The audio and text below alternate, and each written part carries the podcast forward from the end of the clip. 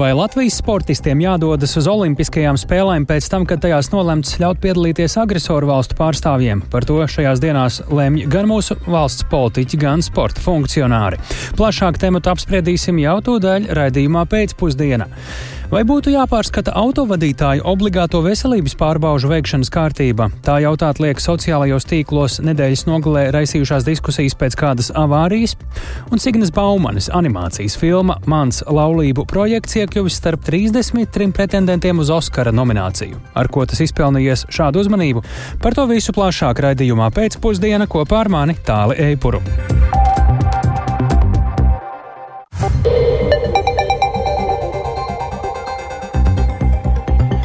Pūkstens rāda 16,5 minūtes, skan pēcpusdienas ziņu programma, skaidrojot šodien svarīgus notikumus studijā Tālis Eipurs. Labdien! Vai Latvijas sportisti Olimpiskajās spēlēs startēs kopā ar agresoru valstu atlētiem? Šāds jautājums nu jau ļoti aktuāls kļuvis pēc tam, kad Startautiskā olimpiskā komiteja pirms dažām dienām negaidīti pavēstīja, ka Parīzes Olimpiskajās spēlēs atļaus piedalīties Krievijas un Baltkrievijas sportistiem. Paziņojuma saturs gan daudziem nebija negaidīts, taču pats lēmums eh, tika gaidīts eh, vairāk uz vēlu pavasari. Kopš lēmuma nu jau trīs dienas ir pagājušas, bet no iesaistītajām pusēm Latvijā nav bijis pārāk plašu komentāru vai lēmumu. No Latvijas Olimpiskās komitejas saņemts vien īsts paziņojums presē, bet Izglītības un zinātnes ministre Anna Čakša no jaunās vienotības nosodījusi Startautiskās Olimpiskās komitejas lēmto. Kolēģis Mārtiņš Kļavinieks šodien mēģināja noskaidrot, ko vairāk. Mārtiņ, stāsti, ko tad sporta, par sporta nozari atbildīgā Izglītības ministrija un mūsu Olimpiskā komiteja ir paspējušas jau izdarīt pa šīm trim dienām, un varbūt, eh, ja ne publiski, tad vismaz aizkulisēs notiek kāds aktīvs darbs. Sveiks, tālu un sveicināt arī radioklausītāji. Jā, nu, aprunājos gan ar ministriju, gan ar Latvijas Olimpisko komiteju. Abas pauda, ka šajās dienās esot aktīvi runājušas ar kolēģiem ārzemēs, bet galvenokārt gaida pašu Ukraiņu lēmumu, kā rīkoties, jo viņiem tur arī vēl ir iekšējais pretruns. Nav pieņemts lēmums, ko, piemēram, Ukraiņi darīs, ja šis lēmums Startautiskās Olimpiskās komitejas paliks nemainīgs, Krievija un Baltkrievija startēs Parīzē. Nu, un gal galā ne tikai šīs abas organizācijas, tātad izglītības zinātnes ministrija un Latvijas Olimpiskā komiteja lēmums izsauc viļņošanos un asas reakcijas dažādās sabiedrības grupās un mm, to pārstāvjos, un, piemēram, visu trīs Baltijas valstu prezidenti Edgars Rinkēvičs, Gitans Nausēd un Alan, Alars Karis šodien publiski izteica cerību, ka Starptautiskā Olimpiskā komiteja tomēr mainīs savu lēmumu. Rinkēvičs, piemēram, žurnālistiem Tallinā sacīja, ka šis lēmums grauj dažus olimpiskās kustības pamatprincipus, nu un vēl šodien saimnes priekšsēdētāja Daiga Mieriņa no Zaļo un Zemnieku savienības arī vērs uzmanību uz piemēriem pagātnē, kad valstis morāla apsvērumu dēļ ir boikotējušas Olimpiskās spēles, nu, ka tas arī varētu, acīm redzot, būt variants. Bet, uh, jā, primāri vērsos pie izglītības un zinātnes ministrijas tās vadītājas Andris Čakšs no jaunās vienotības lūk, ko viņa man sacīja. Nu, šobrīd šis nāca kā ļoti nepatīkams pārsteigums. Es teiktu, no Starptautiskās olimpiskās komitejas pilnīgi nepieņemams, ņemot vērā situāciju, kad uh, Eiropā turpinās karš un uh, mēs visus savus spēkus uh, veltam tam, lai palīdzētu Ukrainai. Latvijas olimpiskā komiteja, cik es zinu, kad mēs esam sasaistījušies ar Ukrainu arī un arī ar kaimiņu valstīm, saprast, kā vislabāk varētu tālāk rīkoties, domājot, teiksim, par tādu godīgu cīņu, kas ir sportistiem ļoti svarīga svarīga. Es teiktu, es gaidu, protams, arī eh, pašu sportistu reakcijas un, un federāciju reakcijas, bet nu, man šī olimpiāda, ja viņi tiešām pieļaus tādu situāciju, nebūs olimpiāda. Mums ir svarīgi panākt to, lai šis lēmums tiktu noņemts.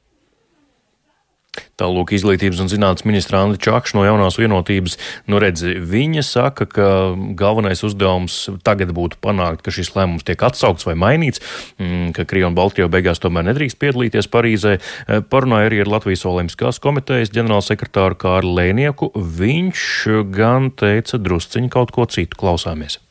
Protams, mums bija sarunas gan ar uh, Baltijas valstīm, gan uh, šodien jau arī ar uh, kopā visiem ar Skandināviem. Pirmkārt, jāsagaida, nu, kas jau tagad ir tālākās darbības no pašiem Ukraiņiem. Mums nav, teiksim, tādu nu, rīku, lai šo lēmumu pārskatītu vai atceltu, bet mums ir rīki, lai to, ka mēs turpinam izdarīt spiedienu, mēs turpinam paust to, ka šobrīd tas bija par, nu, nevis par ātru, viņš vispār bija nevietā šāds lēmums, un nu, mēs paliekam pie sava. Nu, jebkādiem atlētiem tur nevajadzētu atrasties. Šaubos, ka būs ārkārtas balsojums, bet viņiem ir jāskaidro savs lēmums, ko tas, tas īsti nozīmē. Kā tas vispār izpaudīsies?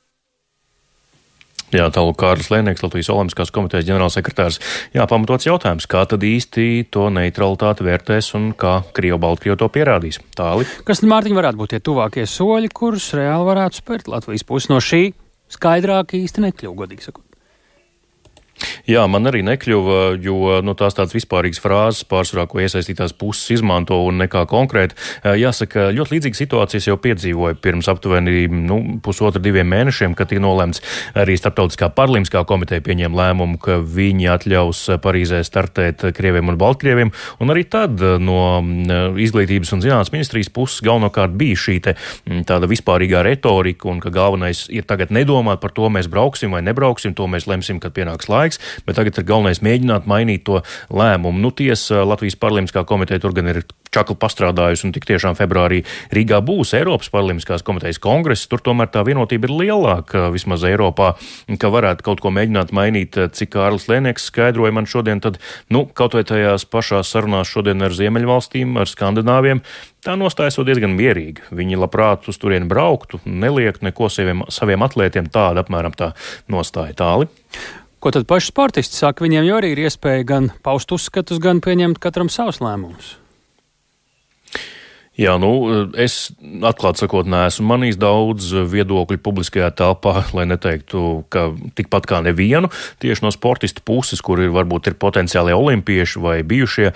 Nu, Edgars Točs, es domāju, mēs abi tālu pamanījām arī viņa ierakstu sociālās saziņas vietnē X, ka viņš eh, tomēr pietiekami skarbi izteicās un, un, un pastāvēja uz to, ka tas eh, nav pareizi un tam tā nav jābūt. Krieviem un Baltkrieviem Parīzē nav ko darīt. Um, Šautriņu metējs Madars Rāzma Zāma, kurš nekādi nevar būt olimpietis, jo šautriņu mešana nav olimpiskais sporta veids, arī pauda pietiekami stingru viedokli pret to visu un, un bija sašuts, bet um, nu, neesmu dzirdējis no tādiem potenciāliem viedokļu līderiem, um, ka kāds kaut ko būtu teicis. Un redz, ka ministri arī sacīja, ka viņi arī labprāt dzirdētu. Tāli. Jā.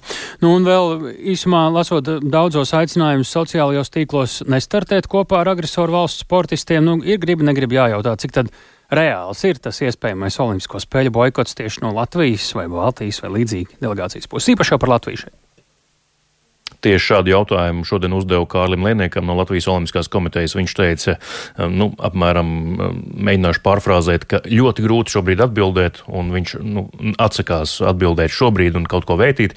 Nu, ja man personīgi būtu jāsaka, tad es teiktu, ka absolūti niecīga ir tāda iespēja. Manuprāt, man šķiet, ka beig beigās Latvijas delegācija tomēr dosies uz Parīzi, bet tās tikai manas personīgās subjektīvās domas. Secinot no visa iepriekš dzirdētā kopā, uz kuru pusi tas vējš aptuveni valdošais nes. Paldies Mārtiņam Kļavniekam. Mēs arī vaicājām, vai Latvijas sportistiem vajadzētu startēt Parīzē šodien Rīgas ielās sastaptajiem cilvēkiem, un lūk, viedoklis. Es neredzu īsti iemeslu nepiedalīties, jo Es nezinu, kādēļ šī situācija iespaidotu Olimpisko spēļu situāciju. Nu, es uzskatu, ka labāk, ka nē, paši ziniet, kas notiek. Viņi jau visu iesāk. Es domāju, ja tā nepiedalīšanās ir veids, kā Latvija kā cenšas pretoties un izrādīt to, ka viņi neatbalsta, tad varbūt, varbūt nepiedalīties. Latvijas sportistiem noteikti ir jāsacenšas.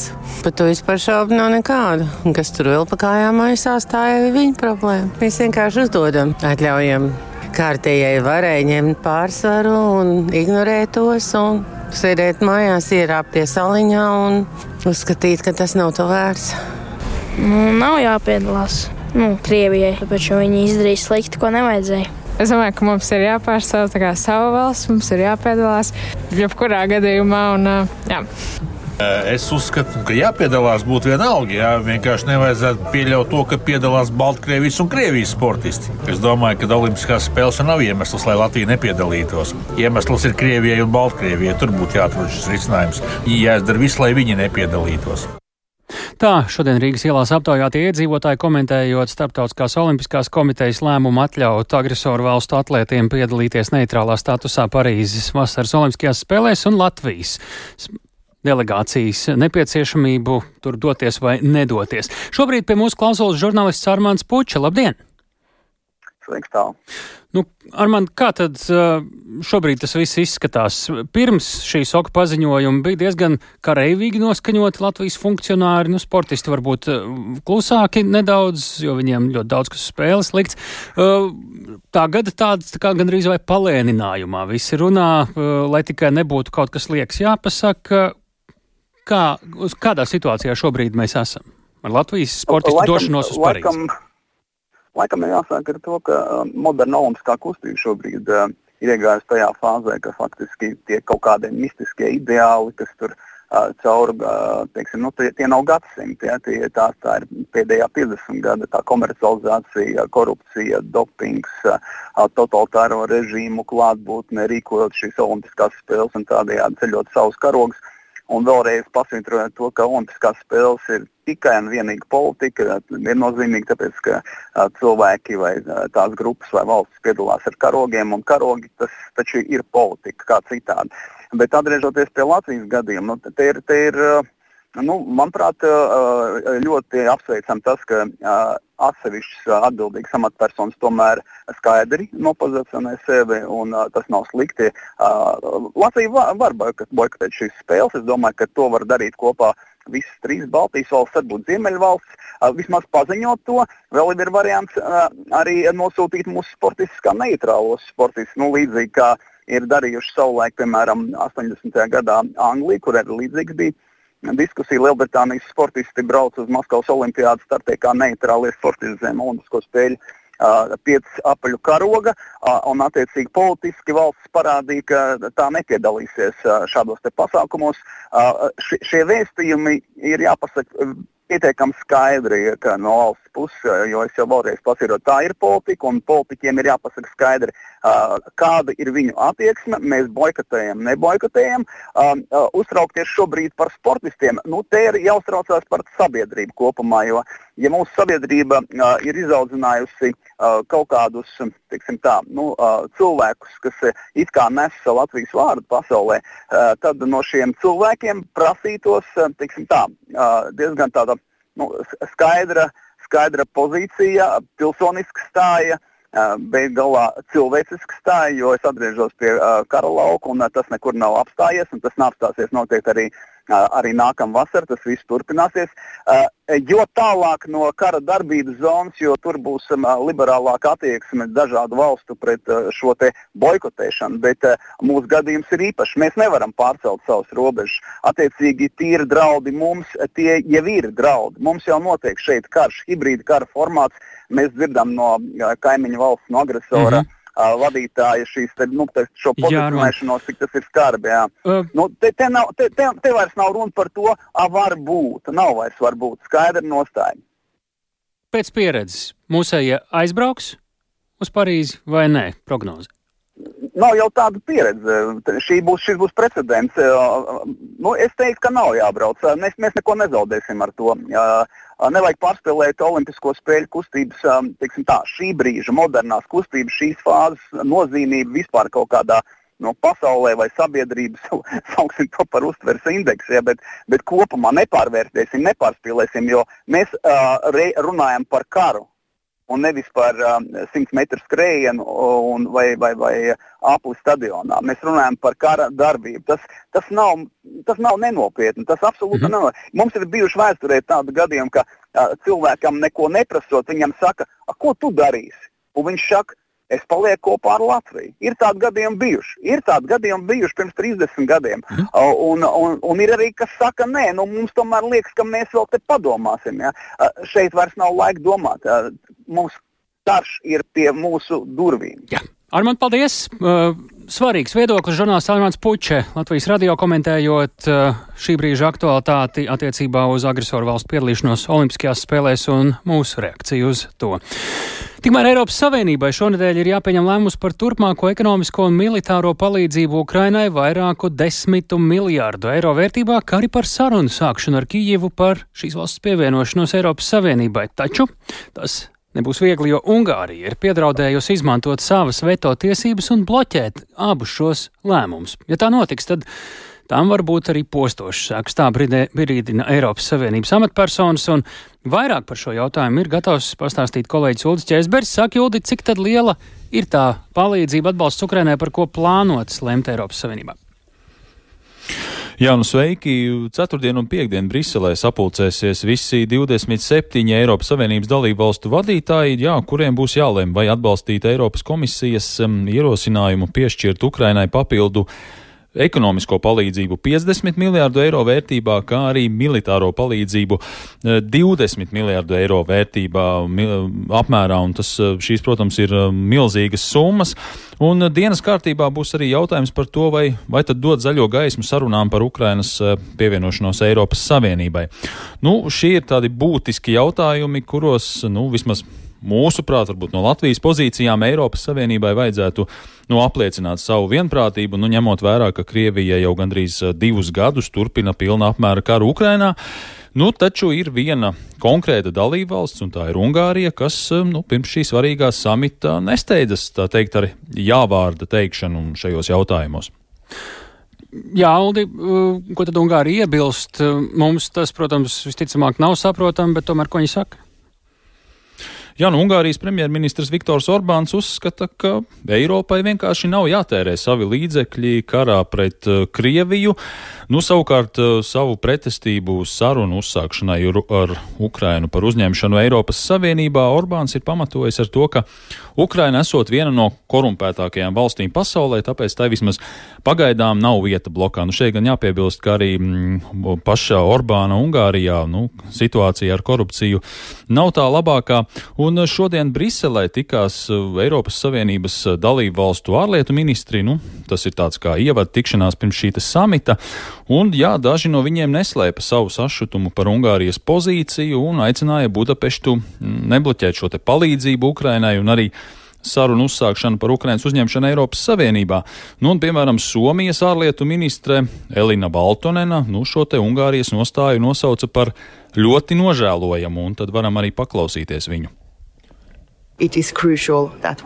On, uh, Tas ir izšķiroši svarīgi, ka mēs turpinām palīdzēt Ukrainai tik ilgi, cik nepieciešams, un tas nav tikai Ukrainas, bet arī mūsu pašu labā. Te nevajadzētu kaulēties, bet, protams, šajā situācijā mums ir jāatrod visi iespējamie kanāli, kas var sekmēt risinājumu rašanu. Jā, un jau tagad tiek prognozēts, ka ceturtdien un piekdien samitā būs, uh, būs gaidāmas smagas sarunas, uh, lai tad pārliecinātu Ungāriju tomēr atbalstīt gan to šo, šo te papildu palīdzību Ukrainai, kā arī nu, nebloķēt iestāšanās sarunu uzsākšanu ar Ukrainu.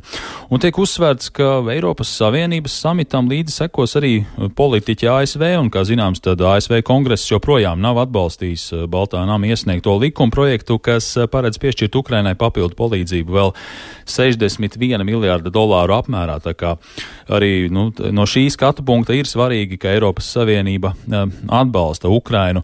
Un šodien Briselē bija ieradies arī Ukrainas ārlietu ministrs Dmitro Kuleba, kurš brīdināja, ka sarunu neuz, neuzsākšanai ar Ukrainu būs ļoti nopietnas sekas un varam arī viņu paklausīties.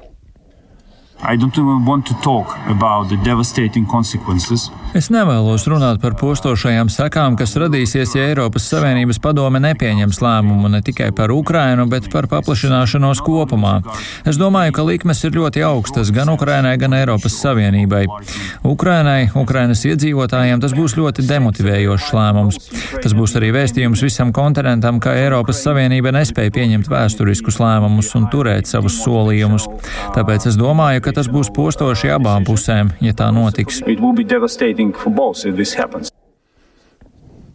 Jā, nu lūk, tādas nepārāk optimistiskas noskaņas uh, valda pirms Eiropas Savienības līderu sanāksmes, bet, protams, uh, gaidīsim ceturtdienu, piekdienu, un uh, tad jau redzēsim, kādas, kādas tad būs šīs sarunas, un vai tad Eiropas pārējo Eiropas dalību valstu līderiem izdosies tomēr pārliecināt Ungāriju, mainīt savu nostāju un atbalstīt gan palīdzību, gan arī to, ka vajadzētu uzsākt sarunas ar Ukrainu par iestāšanos Eiropas Savienībā, un, protams, šīm šīm samitam sekosim līdzi arī Latvijas radio ziņdienas raidījumos. Paldies Uldim Čeizberim, tik tālu par sportu, ģeopolitiku un karu. Tagad atgriežamies šeit pat Latvijā.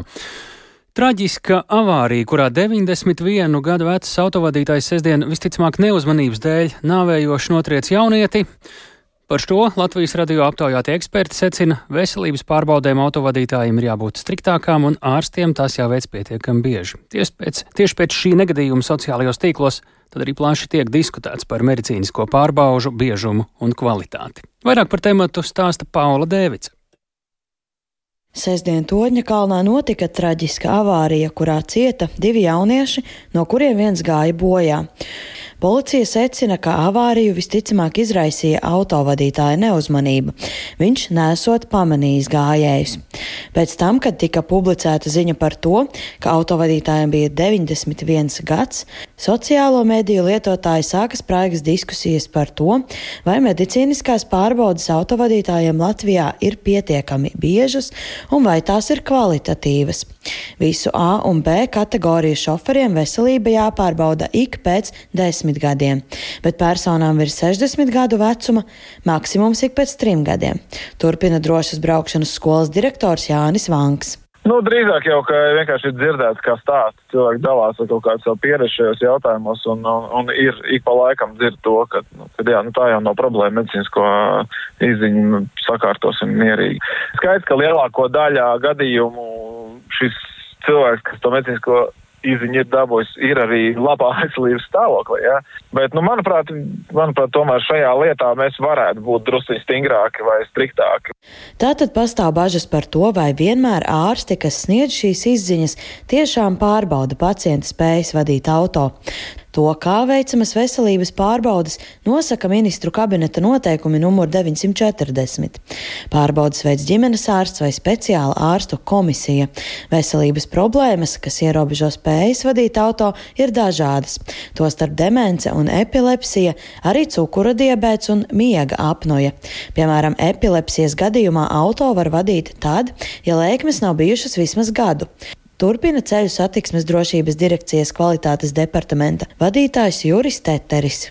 Gadījumā, ja ir kaut kādas pamatotas aizdomas par uh, gaidām veselības uh, stāvokļa pasliktināšanos, tad uh, šim veselības pārbaudas veicējiem, kas ir vai nu komisija, kas ir izveidota ārstniecības iestādē, vai arī ģimenes ārsts, pie kura ir reģistrēts transporta līdzekļu vadītājs kā nākošo pārbaudu var noteikt arī pēc īsāka laika posma, kas ir kaut vai viens gads. Veselības riski, kas var apdraudēt spēju vadīt transporta līdzekli, var izteikti sāsināties vecākiem cilvēkiem, piemēram, samazinoties reakcijas ātrumā. Tomēr traģiskas avārijas izraisa dažādu vecumu autovadītāji, tāpēc īpaša uzmanība ir jāpievērš šoferiem visos vecumos. Tā skaidro ģimenes ārste Gundega Skruza Jānava. Ne jau tikai no vecuma ir atkarīgs vispārējais veselības stāvoklis un patiesībā nedaudz stingrāks prasības medicīniskajām pārbaudēm būtu noderīgas jebkurai vecuma grupai, teiksim, gan kognitīvo spēju pārbauda, gan reakcijas ātruma tests. Reakcijas ātrumu autovadītājiem Latvijā nepārbauda, taču šādas pārbaudas ir citviet, piemēram, Austrālijā, Lielbritānijā un Nīderlandē. Turklāt būtiski arī pašiem šoferiem un viņu līdzcilvēkiem pārliecināties, vai konkrētajā dienā veselības stāvoklis ir pietiekami labs. Pensionāru federācijas prezidente Aija Barča uzsver, ka īpaši par to jādomā senioriem. Es aicinātu arī seniorus padomāt vai nepieciešams pašam pie stūres, it sevišķi šādos laika apstākļos, kur jābūt maksimāli uzmanīgiem un reakcija pilnīgi iespējams senioriem vairs nav tāda kā jaunībā. Eksperti uzsver, ka veselības pārbaudēm jābūt striktām, un arī ģimenes ārstiem ir jāsako līdzi pacientu spējai sēsties pie stūres. Tomēr arī pašiem autovadītājiem ir kārtīgi jāizvērtē savas spējas pirms transporta līdzekļa vadīšanas. Paula Devica, Latvijas radio. Bet nu pievēršamies labdarības maratonam dod pieci. Ideālajā pasaulē katram bērnam visdrošākā vieta ir mājas, bet vissaprotošākie un atbilst, atbalstošākie pieaugušie ir vecāki. Realitātē Latvijā ir jaunieši, kuriem vienīgā siltā pajumte ir skola un vienīgā siltā maltīte - tā, ko pasniedz mācību iestādes ēdnīcā. Tā bija arī Lienai Steinai, kura bērnībā auga skarbos apstākļos 12 bērnu ģimenē. Vecāki par bērniem rūpējās maz, jo tuvāks bija alkohols un kautiņi. Kādas bija skolas un skolotāja lomas, lai Lienai palīdzētu pārlaust vecāku ieprogrammēto dzīvesveidu, klausāmies Zānes Eniņas ierakstā. Sabiedrisko mēdīju labdarības maratons dod pieci. Palīdz jauniešiem, kurus līdzcilvēki izvēlas neredzēt. Plašā mājā pie Beberbeķu meža dzīvo Liena Steina kopā ar vīru, abām meitām, kā arī trīs jaunākajām māsām. Tāds ir bijis viņas sapnis kārtīgs mājoklis un ģimene, kurā par visiem var parūpēties. Pašas bērnībā tā visa trūcis neslēpj liene. Vecākām divi bija alkoholiķi. Bezdarbnieki, un mēs bijām ļoti daudz bērni. Patstāvīgais trūkums, iztrūkums, nabadzība un viss pārējais. Nu, līdz ar to tu tiki skolā tāds nu, atstumtais. Liene uzauga mazpilsētā Kandavā, kur cits citu labi pazīst. Līdz ar to nebija nekādu iespēju noslēpt mājās notiekošo. Vecāku reputācija gāja bērniem pa priekšu, un gandrīz vai neatlika nekas cits, kā ar savu uzvedību to attaisnot. Ļoti grūti gāja, un ļoti daudz apbežoja un izsmēja. Un Jo bija tā, ka nu, bijām tiešām nu, tik ļoti trūcīgi, ka nu, pat īsti apavu nebija kājās, ko vilkt. Ja, tur nu, tiešām no sērijas, kā filmās rāda, kad uh, purnagals tiek sasiets ar šņoru, lai, lai zoli turās pie kājas, un pa faktā arī bija. Uzvilkt dūmu viņa esot sākusi jau sešu gadu vecumā. Ja skolas kavējumu kļuvis kritiski daudz, tad mācības iedzinusi, lai tikai nenonāktu līdz ievietošanai auģu ģimenē. Taču iešanai uz skolu bijuši arī citi iemesli. Skola bija tā vide, kur es varēju pāriest, kur bija siltums. Un, ja bija tāda situācija, ka nu, galīgi, galīgi nevarēja, tad varēja arī panākt palikt, jo tur bija internāts. Ar nicinājumu izturējušies arī skolotāji, taču ne visi bet apstāties un uz sevi paskatīties no malas Lienai licis maiturības skolotājas brīdinājums. Tas un pašas spītība daudz nozīmējis. Tagad, skatoties uz bērnībā pārdzīvoto, secina Liene. Viņa man konkrēti maiturības stundā, tad, kad mēs runājām par to, ko mēs nākotnē gribētu kļūt un, un tā tālāk, tad uh, viņa man teica, ka man ir divi ceļi. Vai nu tas ir uh, sieviešu cietums, kaut kādas atkarības vai daudz bērnu ģimenes kārtējā, vai nu, vai nu es izskatīšos. Nu, tur man pašai ir jālemj, ko, ko darīt. Jā.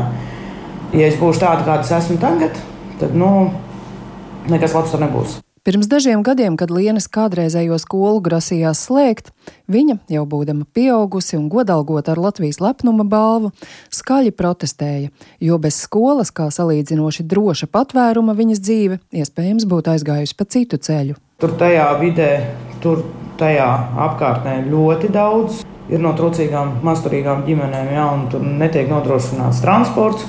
Tādu problemātisku skolēnu kā Liene netrūkst arī šodien, taču viņus izslēgt no mācību iestādes ir īslaicīgs un tūredzīgs risinājums, ir pārliecināta jaunciema pamatskolas direktoras vietniece un preventīvās jauniešu motivācijas programmas MOT brīvprātīgā trenere Anna Zaula. Daba nemīl tukšumu. Viņa aizies no vienas skolas uz otru skolu, tie bērni jau nekur nepazūd, viņi neizgaist. Ne visas skolas, un tomēr ir skolas, kas dzīvo ilūzijā kad mēs tiksim no viņa vaļā, tad mūsu problēmas atrisināsies. Nu, nē, mana pieredze liecina, ka praktiski vienmēr atnāk kāds cits vietā, vai kāds saprot, šī vieta ir tukša, tagad es varu darboties. Un otrs, ja vien viņi nepārvācās uz citu valsti, tieši kāpēc, lai jūs viņu nesatiktu uz ielas vai sabiedriskajā transportā, vai kāpēc, lai viņi nesatiktu šo bērnu, no kura jūs tikāt vaļā jūsu bērnus, kāpēc, lai viņi nesatiktu uz ielas. Darbā ar problemātiskiem skolēniem jebkuram pedagogam var nolaisties rokas, jo tas nav vienkārši.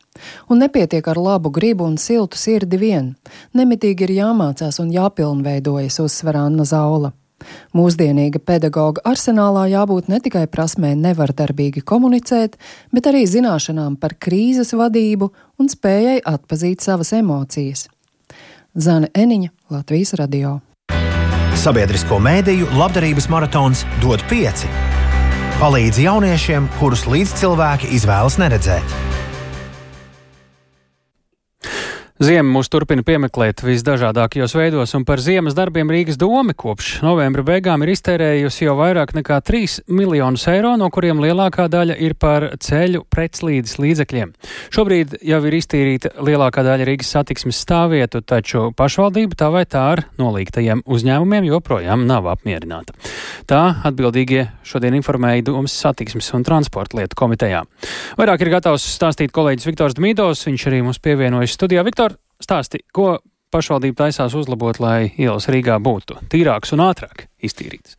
Labdien! Jā, nu pirms nedēļas Rīgas izpildirektors ātri sasauca sapulci, lai ar kolēģiem izrunātu autostāvvietu un pieturvietu tīrīšanu, ko veids nolīgti uzņēmumi. Un par to darbu domas vadība, no es teiktu, bija dusmīga, sakot, ka par saulaicīgi neizpildītu darbu uzņēmumiem draudz sodi. Un šodien satiksmes un transporta lietu komitejas sēdē Rīgas satiksme ziņoja, ka no sniega at, ir attīrīti ap 80% no visām stāvvietām.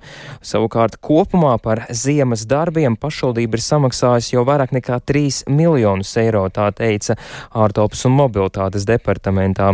No tiem, no šiem uh, mil, 3 miljoniem eiro, 1,3 uh, miljonus ir par pretslīdes materiāliem. Nu, tā ir skaitā par sāli.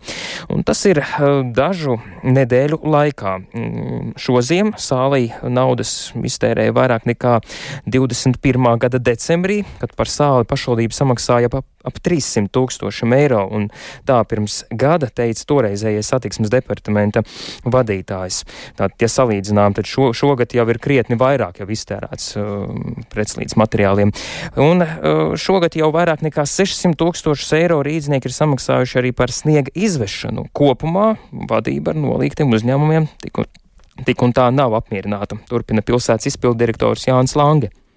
Mēs redzam, ka ir jāuzlabo darba koordinācija, jābūt mums prasīgākiem pret mūsu uzņēmējiem, kas izpilda līgumus, lai viņi izpildītu precīzi noteiktajās līguma prasībās.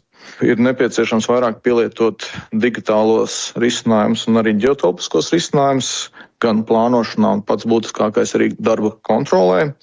Un aktīvi jāizmanto jau tie resursi, kas ir mūsu rīcībā, gan pašvaldības policijas ekipāžu, kas apsako pilsētu, gan arī Rīgas satiksmes šoferu resursus. Langi arī atzina, ka pat laban vēl nevar pielietot mākslīgo intelektu, kas varētu kontrolēt, vai pieturas un stāvvietas ir notīrītas, un tagad to visu dara domas darbinieki vai iedzīvotāji. Un šajā sēdē piedalījās arī Māris Jonovs no biedrības drošās ielas, viņš ir tās biedrības vadītājs, sakot, ka pēdējo gadu laikā situācija pilsētā uzlabojas, nu, piemēram, ir centralizēta ietvu tīrīšana, taču problēmas joprojām ir briesmīgākais joprojām aktuālais un kur neredz risinājumu ir krustojumi, pieturas, gājēju pārējas. Neviens nesot par to atbildīgs. Nevienā līgumā nav konkrēti atrunāts, kuram tas ir jādara. Tad ļoti trūkst varbūt politiskā uzdevuma beidzot to risināt. Vienalga, kuras iestādes izskatā, bet tiešām to darīt. Līgums nosaka arī brauktuves malas atrakšanu līdz tuvākajai noteku restei, kura jāatbrīvo no ledus. Nākamnedēļ kusīs, un tad mēs redzēsim, kā Rīgas līkst sniega ūdeņos. Tālāk Māris Jonovs, un šodien tas bija tāds ziņojums. Domas opozīcija arī uzdeva daudzus jautājumus, kritizēja pašvaldības darbu, bet nu, lēmumu pieņemšana nebija tā, vairāk bija kā informatīva vēsts. Paldies, Viktor, tik tālu par sniegu eh, un cīņu ar sniegu un izmaksām Rīgā. Bet šobrīd eh, pievēršamies uh, svarīgam stāstam Latvijas kultūras dzīvē. Latviešu animācijas filmu režisors un mākslinieces Signes Baumanas filma Mans laulība projekts ir iekļuvusi ASV Kinoakadēmijas balvas Oskars pretendentu sarakstā kā viena no 33 darbiem kategorijā labākā animācijas filma. Tālāk eh, sekos cīņa par iekļūšanu labāko pieciniekā, un te jāatgādina, ka jau līdz tam filma starptautiskā izrādīšanā ir bija sasniegusi un ir sasniegusi Latvijas filmai vēl nebijušas mērogus. To savās programmās ir iekļāvuši vairāk nekā simt festivālu visā pasaulē. Tā ir izrādīta arī daudzos Eiropas un jau arī Ziemeļamerikas valstu kinoteātros. Un pie mūsu klausulas, lai kopā to izvērtētu, kinokritiķa un Nacionālā kinocentra direktora Dita Rietuma. Labdien! Labdien! Nu, kā jūs teiktu, ar ko šis darbs ir tik īpašs, ka izpelnījies tik plašu ievērību gan Oskara vērtētāju, gan festivālu rīkotāju, gan skatītāju acīs. Turklāt tas jau Latvijā ir izrādīts pirms krietni laiciņa arī daudz ir redzējuši. Uh, jā, uh, Signas Baumanas filma Latvijā tika izrādīta uh, pērnu, un uh, filma ir pieejama arī dažādās uh, platformās.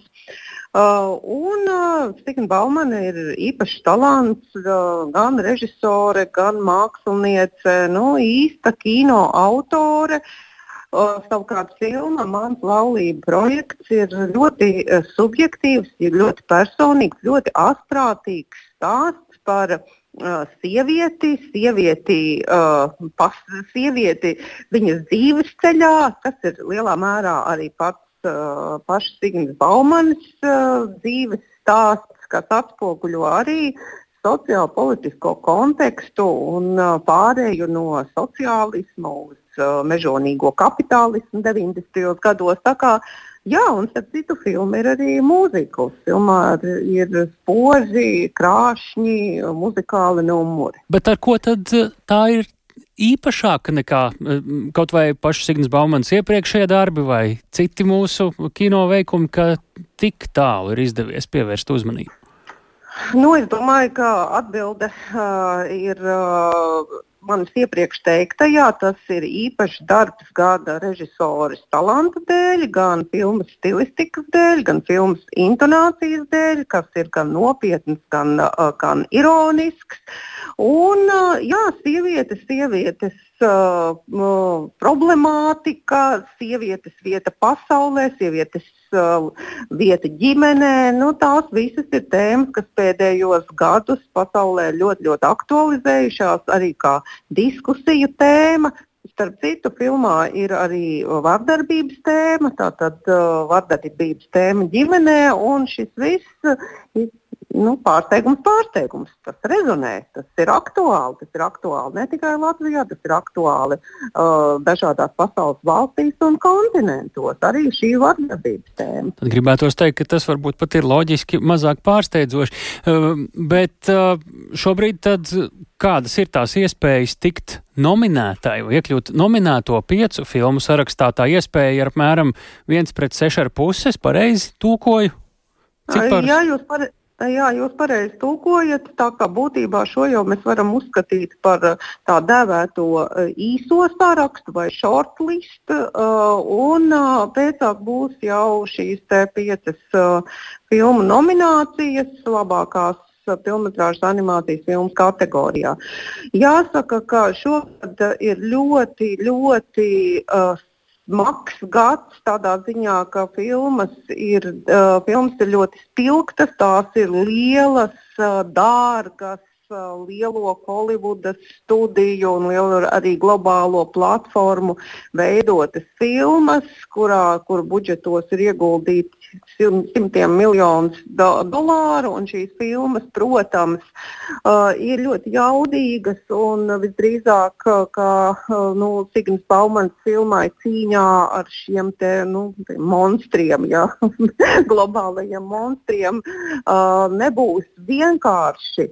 Bet uh, es domāju, ka mēs tas, ka Signs Baumans filma jau ir tikusi tik tālu, nu, tas ir, tas ir uh, brīnišķīgs fakts gan Latvijas kino, gan Baltijas kino. Jā, un starp citu, Igauni kolēģi, Tieši kuri pastiku, ja, mūs apsveica ar šo panākumu, savukārt mēs apsveicām Igauni kolēģus. Te jāatgādina klausītājiem, jā, ka Igaunijas režisors Anns Hīns dokumentālā filma Melnās pirts māsība ir saņēmusi Eiropas kinoakadēmijas jau balvu kā labākā dokumentālā filma. Tas ir vēsturisks notikums Baltijas kino arī.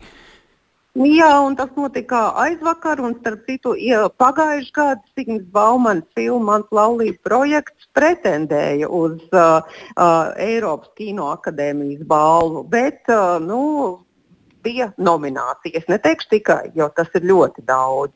Tā kā, tā kā jā, nu, Baltijas kino ir, ir, ir tāds labs periods. Nu, savu pusminūtīti tas nozīmē, ka ar šo top 33 cīņā par Oskaru, tā var teikt, nu, visticamāk, ka vēl vairāk kinoteātru un festivālu varētu interesēties par Signas Baumanas jaunāko filmu.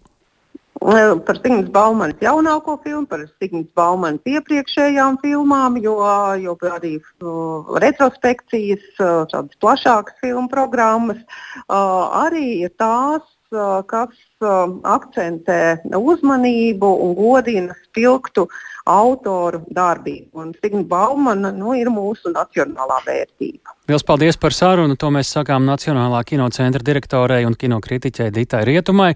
Jāatgādina, ka pašlaik režisors Signa Vaumani jau strādā pie sava jaunākā projekta filmetrāžas filmas Karmiskais mēsgls, un tā būs trešā filma jau divu iepriekš pieminēto filmu triloģijā. Bet šis bija ziņu raidījums pēcpusdienu, to veidoja Tāls Eipurs, Ilze, Aginta, Uldis Grīmbergs, Mārtiņš Paeglis. Ja vēlties šo raidījumu dzirdēt sevērtā laikā, tveriet pēc Latvijas radio mobilās lietotnes, meklējiet dienas ziņas. Mēs tiekamies rīt kā katru darbu dienu pēc ziņām pulksten 4 un 5.